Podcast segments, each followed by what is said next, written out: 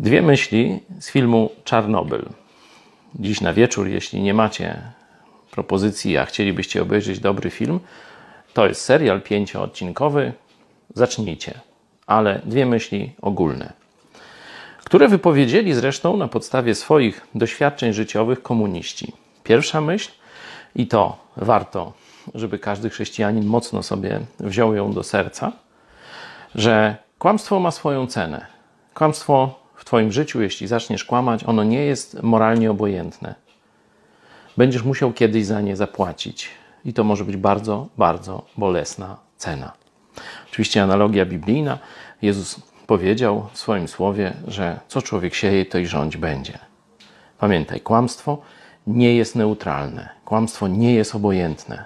Skłamiesz, zaczniesz budować na kłamstwie, kogoś prowadzisz błąd, będziesz musiał za to zapłacić. I nie mówię przed Bogiem, tylko tu na ziemi to w jakiś sposób wyjdzie. I druga myśl. Nie można zbudować swojego szczęścia na cudzej krzywdzie.